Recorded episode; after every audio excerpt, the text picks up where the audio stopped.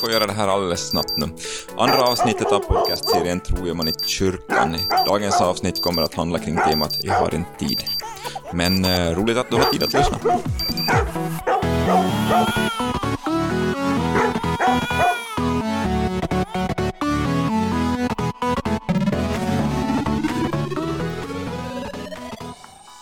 Välkommen till och förhoppningsvis tillbaka till vår podcastserie Tror jag man i kyrkan. Roligt att du har tid att lyssna på dagens avsnitt. Roligt också, Jan Gustav, att du har tid att vara med. Allt gott med dig. Mm, jo, det är jag, när jag får vara här med dig, Thomas. ja, det låter bra. Eh, förra veckan så pratade vi om din nya titel, författare. Hur känns det att inleda en ny vecka med en ny titel i bagage och eh, podcastare? Ja, lite smickrande ibland, men för det mesta är det inte så stor skillnad. Det roliga att vara med dig och få diskutera viktiga frågor. Sen att det blir podcast, det är din förtjänst, Thomas.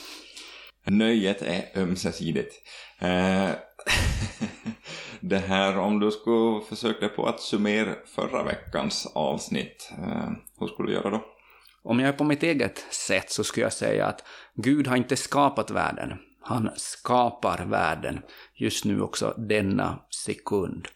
Och därför så handlar livet om att bli medveten om att han är med varje sekund. Och ett tips jag gav i slutet av förra podcasten var examen. Att när dagen är slut så be den enkla bönen att Gud visa mig hur jag har varit medveten om din närvaro idag.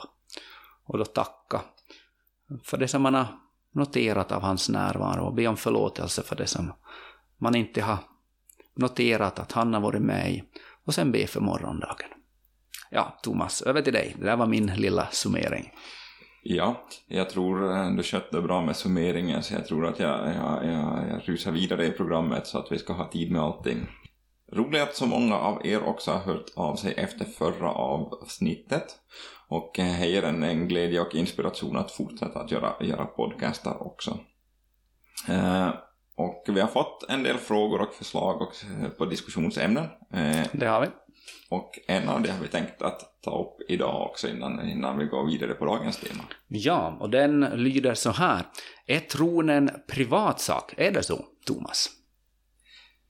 Eh, jag tror att vi många gånger blandar ihop privat och personlig. Jag tror att vi behöver ha en eh, personlig relation till Jesus. Inte personlig på det viset som många kanske tänker att, alltså det, att det här är din Jesus men det är inte min Jesus. Utan jag tror att, att vi, vi behöver söka den verkliga Jesus.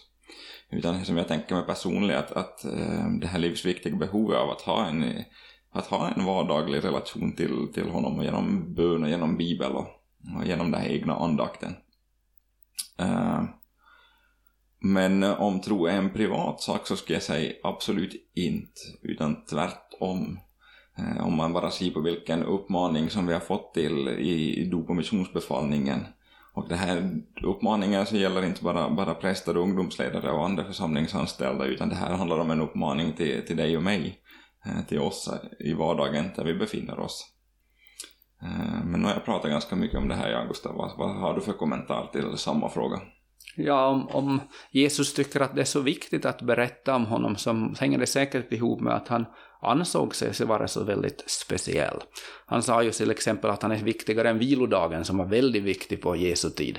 Och han sa att han var viktigare än profeterna som var de här stora som hade berättat om Gud. Och jag tänker då att om lever man med, med Jesus så måste kanske helt enkelt märkas på något sätt. Inte så att man låtsas vara kristen eller försöker vara något extra eller något speciellt, utan bara att lever man med en sån speciell person så kommer det säkert att märkas på något sätt i ens liv. En sån var till exempel Dag Hammarskjöld som var FNs generalsekreterare. Han dog redan på 60-talet. Och han eh, var en person som med stor integritet, tror jag många skulle ha sagt. Han medlade konflikter och var orädd på olika sätt. Sen till den moderna världens eh, bestörtning så upptäckte man sen när han dog att han hade en dagbok som, och de här dagboksanteckningarna visar att han hade en väldigt varm och personlig tro på Jesus, som inte han talade om, men som verkligen verkar ha synts i hans liv. Och eh, hur sätt han bemötte olika ledare i världen och, och satsade verkligen på att förmedla fred. Så att Det tänker jag kan vara ett exempel på att det syns fast vi inte alltid talar om det. Mm. Tack för uh, den frågan. Och uh, vi ska gå vidare till dagens tema. Jag har inte tid. Uh, om vi börjar, nu blir det här en ganska personlig fråga, Augusta, men har du någon gång varit utbränd eller på gränsen till utbränd? Jo, för jag förstår inte vad tid är sådär. Du säger hela tiden Thomas, vi har inte tid, vi måste gå vidare. Och jag förstår inte vad tid är. Och jag har läst massa böcker av tid och ännu har jag inte lärt mig vad tid är. Men lite mer har jag lärt mig än för 20 år sedan om vad tid är. Men att inte jag förstår tid har lett till att jag har varit utbränd. Så att jag har varit sjukskriven för tre år sedan, en sommar för att det helt enkelt um, jag fick inte tiden att gå ihop. Och det var tufft att märka att man inte har kraft. Jag hade inte kraft, fast jag ville liksom så gärna göra saker, men det, det fanns inte. Det var en nyttig erfarenhet, men inte rolig. Okej. Okay. Eh, men hur skulle du säga att den här situationen har påverkat din tro? Um, jag förstod inte varför inte Gud gav mig kraft så att jag orkade fortsätta med allt det jag tyckte jag behövde göra och, och var viktigt att göra. Så därför förstod jag inte mig på, på, på Gud. Men sen märkte jag att efteråt så märker jag att på något sätt när jag var väldigt svag mitt och, och kraftlös när jag var utbränd, så från det så kom någonting nytt också. Att när jag jobbade med människor och mötte människor så kom det nya saker som jag kom på och kunde hjälpa människor med, som inte jag kunde göra om inte jag varit um, utbränd. Så att jag såg att det kunde komma något gott ur det. Mm. Uh, du själv då, Thomas? Nej, för egen del så har jag nog inte, inte varit utbränd. Eh, jag har kanske varit sådär på, på rört mig på gränsen till, men jag har inte, inte eh, jag kan inte säga att jag har varit, varit utbränd på, på det viset. Eh, hur tror du för, för, för din del då att, att på det här med brådska och att vi, vi hela tiden är igång, tror du att det här kan förstöra vår gudsrelation? Mm. Det gäller nog i varje fall mig. Jag märker att när jag börjar leva i nästa sekund och inte lever i den sekund och den tid som är nu, utan stressar till nästa, så då förstör det på något sätt. Just att jag, jag tar inte emot livet som en gåva av Gud. Och just som det står i psalm 31 så står det att min tid står i dina händer. Det tycker jag är ett underbart uttryck, alltså att just den här tiden du och jag talar här nu Thomas, så står i Guds händer. Då behöver jag inte stressa till nästa stund. Men tyvärr glömmer jag nu som då bort det och så börjar jag stressa igen. Jag kunde fråga en sån här fråga till dig. Jag brukar överraska dig med såna kluriga frågor som inte du har chans att veta vad jag ska ställa. Thomas, Kommer tiden eller går tiden? Ja, eh, det har varit svårt. Det tänker lite att det här är en kuggfråga. Mm, det är en kuggfråga. Ja, lite sådär att är glaset halvfullt eller, mm. eller halvtomt. Men jag tänker nog att är en av dem så tänker jag faktiskt är mer riktigt tanke. I vår tid så säger man mycket att tiden går. Att tiden liksom rusar fram och man ska fånga den på något sätt. Men om man istället tänker att tiden kommer till mig, så är det på någonting som ges mig, ingenting som jag jagar efter. Och en författare som heter Thomas Sjödin, så han brukar tänka så här att jag har gott om tid.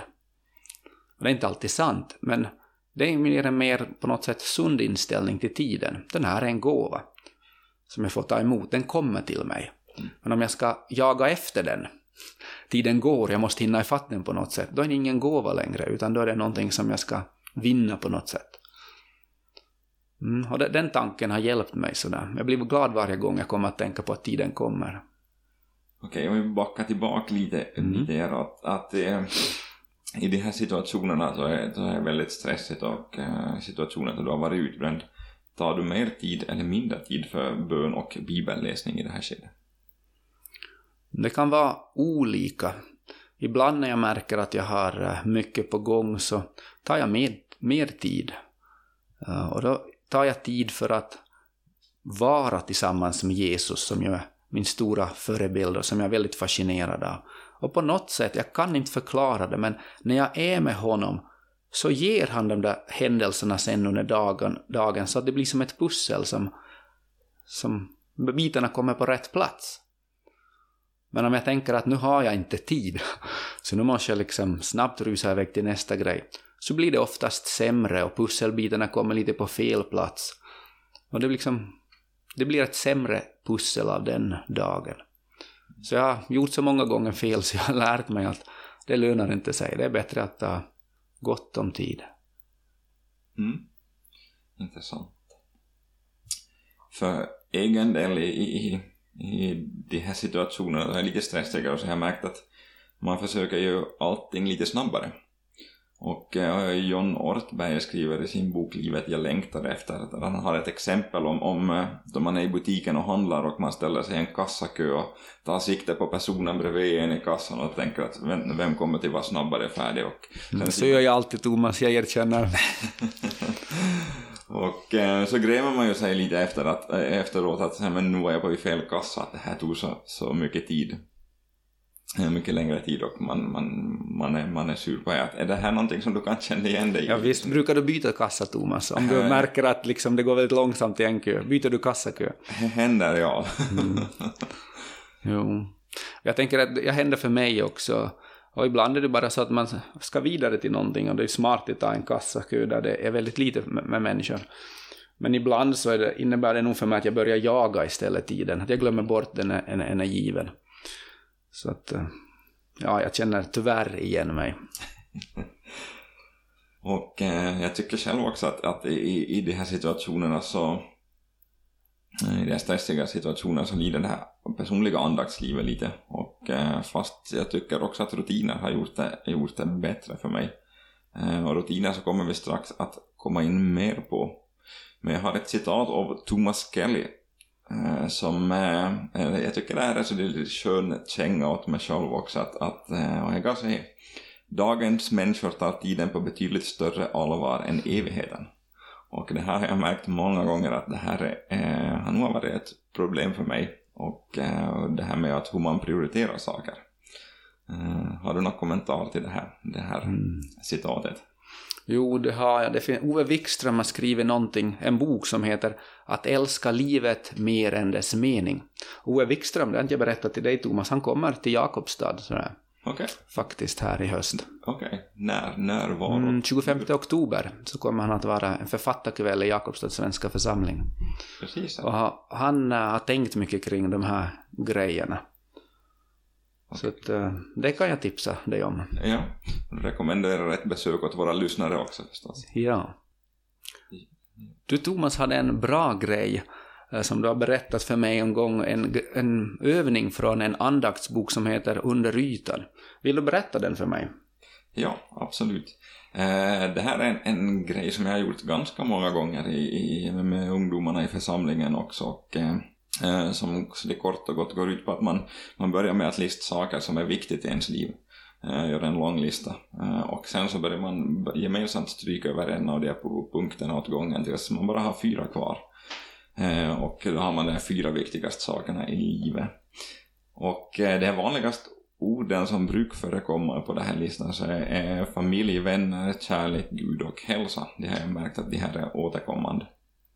Och eh, sen så brukar vi fundera lite kring kring det här och eh, också så det är vilket som är prioritetsordningen, vad som är viktigast av, av de här punkterna.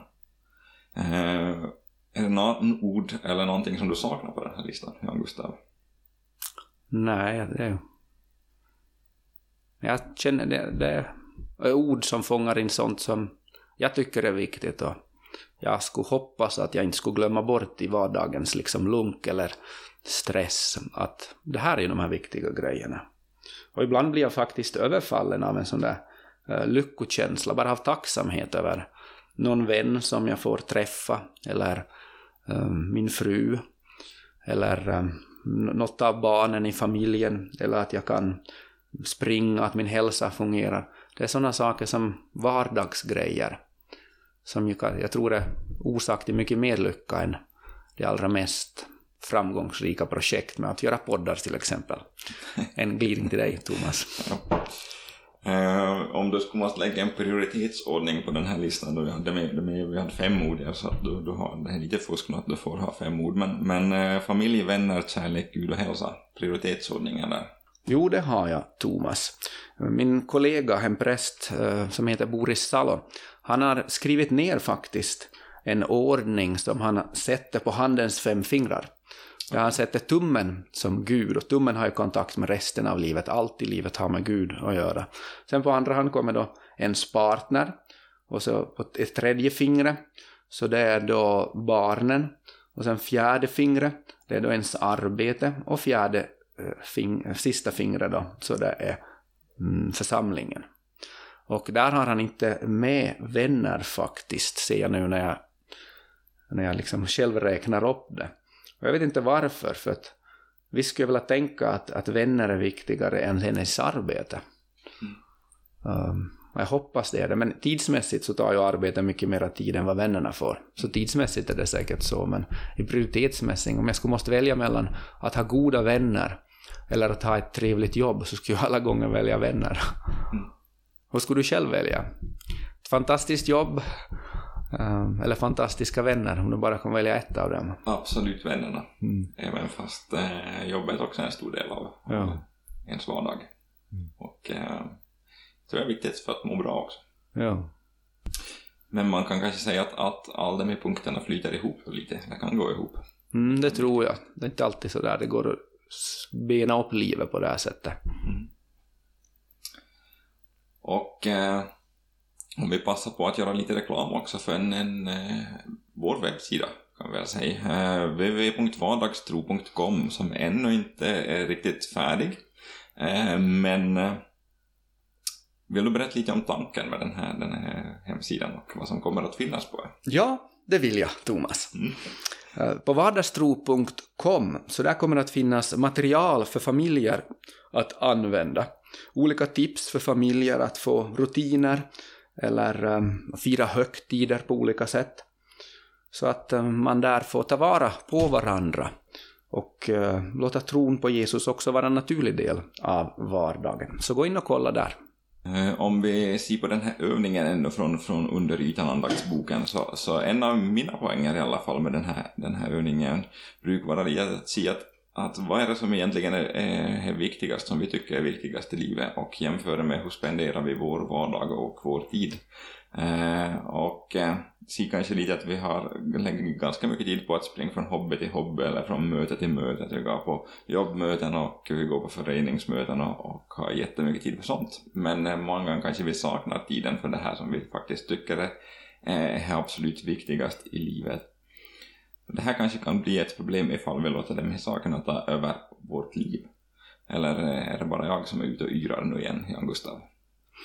Nej, visst är det ju så att vi verkar vara i vår tid väldigt vilsna på något sätt. Vi har så mycket möjligheter. Vi kan göra vad som helst och kan ta kontakt med vem som helst, när som helst på dygnet, runt över hela vår jord. Jag tror att det är delvis alla de här möjligheterna så här som gör det så att vi tvingas göra så många val. Förr i tiden tror jag inte människor hade lika mycket valmöjligheter. Och då kunde man inte göra heller val. Man liksom, att bara överleva tog så mycket tid av vardagen och få mat och, och försörjning. Men att nu behöver vi inte liksom satsa all vår tid på det. Så jag tror det är en av orsakerna. Att vi helt enkelt har så många val att göra. Och det är så lätt hänt att man vill göra för mycket. Och, eller väljer sånt som i slutändan är sånt som man kanske ångrar att varför lät jag det här ta så mycket tid? Mm. Eh, om vi byter lite spår ännu från den här övningen men ännu in på prioriteringar. Eh, vi var ju inne på Ortberg och ett citat därifrån för en stund sedan och jag har ännu ett eh, citat från samma bok som går så här. Vi har i hög grad bytt ut visdom mot information, djup mot bredd. Vi vill laga mognad i mikrovågsugn. Eh, kan det här också vara ett problem vad gäller vår relation till Gud. Alltså att vi gärna vill veta så mycket som möjligt eh, om Gud, men att vi kanske har svårare att söka och hitta en nära och intim relation. Det var en väldigt bra formulering av Ortberg och av dig, tycker jag. Fångar in vad det, jag tror väldigt långt handlar om. Vi vill ha instant svar av Gud och instant lösningar och tio steg och tre snabba klipp och, och så vidare. Medan äh, jag tror inte Gud är intresserad av att fångas i tio steg eller i snabba klipp eller instant svar. Han är intresserad av hela vårt liv, av hela oss. Så att, eh, ja.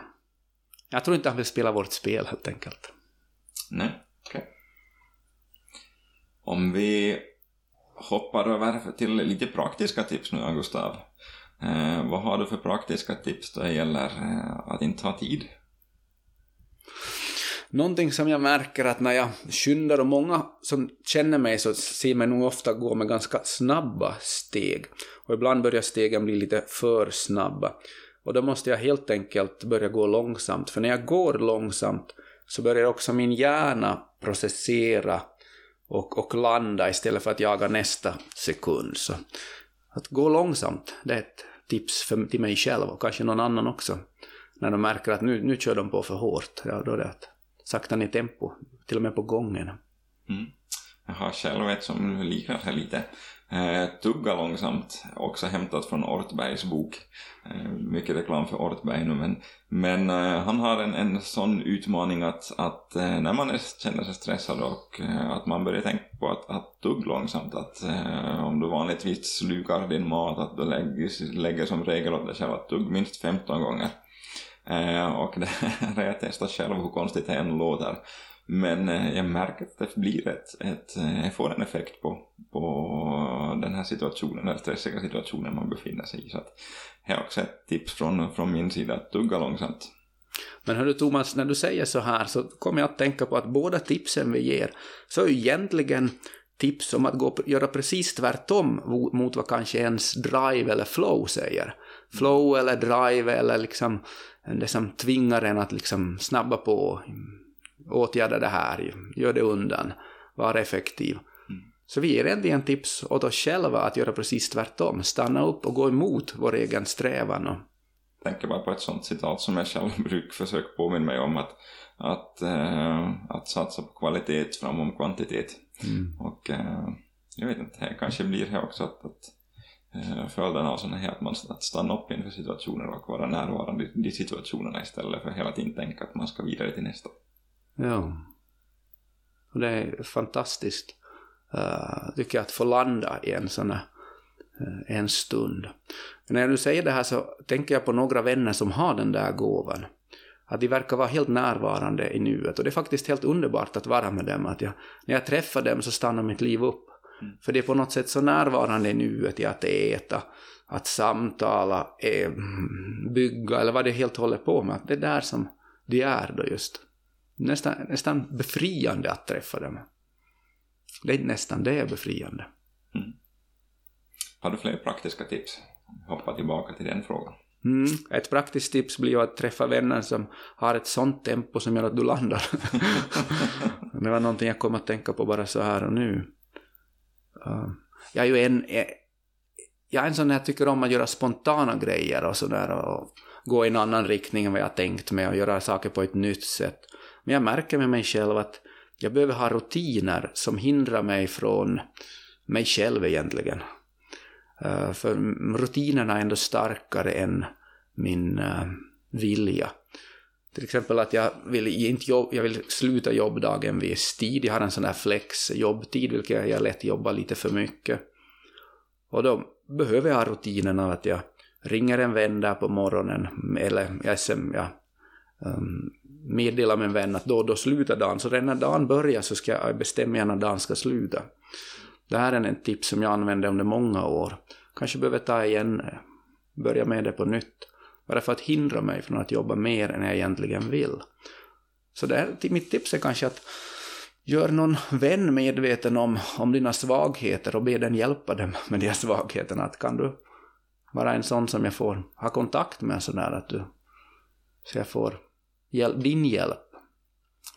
Att, att våga göra på ett nytt sätt och sådär. Så det är nog vänner. Vänner man vågar tala med de här sakerna om som jag skulle ge som tips. Har du själv, Thomas, någon sån där, något praktiskt tips om rutin som har varit bra för dig? Jo, det har jag. Och eh, är att börja och sluta varje dag med bön. Eh, och eh, jag, jag, det här funkar olika bra. Jag vet, vet med mig själv att jag har lättare med det här från morgon. Jag har lättare att komma ihåg den här rutinen på morgonen än vad jag har på, eh, än vad jag har på kvällen. Eh, men, men jag märker en stor skillnad, och kanske främst så märker jag en stor skillnad då jag inte har gjort det här från morgonen. Eh, och då jag inte gör det på kvällen. Eh, så att jag skulle, här var det en sån rutin som har funkat relativt bra för mig. Och nu senast också att ha, ha, faktiskt ha en andaktsbok som man börjar, börjar varje dag med att läsa lite i. Och, eh, senast tipset som jag, som jag också har försökt som har med rutiner att göra är att jag har lagt in en, en skärmbild på min telefon där jag står B-vitamin. Så att så fort jag öppnar, öppnar telefon så ska jag komma ihåg att slänga iväg en kort bön eh, och få det som en rutin att be ständigt som det står om i Bibeln. Mm, det där tipset har jag faktiskt tagit av dig, så jag börjar med det också jag. Okej. Okay. Mm, och det var ett bra tips. Jag har ett bibelord som påminner mig sådär, så att när jag öppnar telefonen så um, påminns jag om att mm, jag är inte ensam in i den här den här, det här livet och det jag sysslar med nu just. Så tack för tipset Thomas. Varsågod. och eh, vi börjar faktiskt nu närma oss slutet också på den här, det här poddavsnittet. Eh, det här avsnittet så har vi försökt svara på frågan att eh, ska tro vara en privatsak? Vi har varit inne lite på personliga erfarenheter och hur stress har påverkat vår vardagstro. Och vi har funderat på prioriteringar och lite praktiska tips av allt det här, vad hoppas du att lyssnarna ska ta med sig? Jag hoppas att du som lyssnar ska få uppleva på något sätt en glädje och en tacksamhet över att den sekund du nu just lever är viktig och att uh, livet just nu är, är, är viktigt. Ja, det är ju ändå dagarna som går som är livet. Nästa vecka då så har vi tema Jag och mina misslyckanden. Har du, Jan Gustav, någon cliffhanger åt oss på nytt den här veckan? Åh, oh, uh, jag har varit och bränt ner kyrkan i Jakobstad nästan sådär. Det var på håret verkligen och sådär. Um, och jag har gjort en massa andra uh, misslyckanden. Så ibland brukar mina barn säga till mig sådär att pappa kan inte berätta om den gången du gjorde det där och det där och det där. Och de tycker det är vansinnigt roligt att höra om alla mina tokigheter som jag har gjort och misstag. Kanske också ni kommer att gilla någon av dem. Eh, och som alltjämt så tar vi gärna emot frågor och förslag på teman som ni vill att vi ska diskutera. Eh, så gå gärna in och gilla vår podcast på Instagram och Facebook. Man söker efter Tror jag man i kyrkan med ett frågetecken på slutet. Eh, och eh, kommer också att finnas länkar i beskrivningen så att ni lättare hittar hem. Tycker ni om vår podcast så får man gärna del med sig den åt sina vänner. Är ni led oss efter två avsnitt så skicka gärna en länk åt era fiender. Och hoppas jag att, allt, att ni ska ha allt gott och så hörs vi på nytt nästa vecka.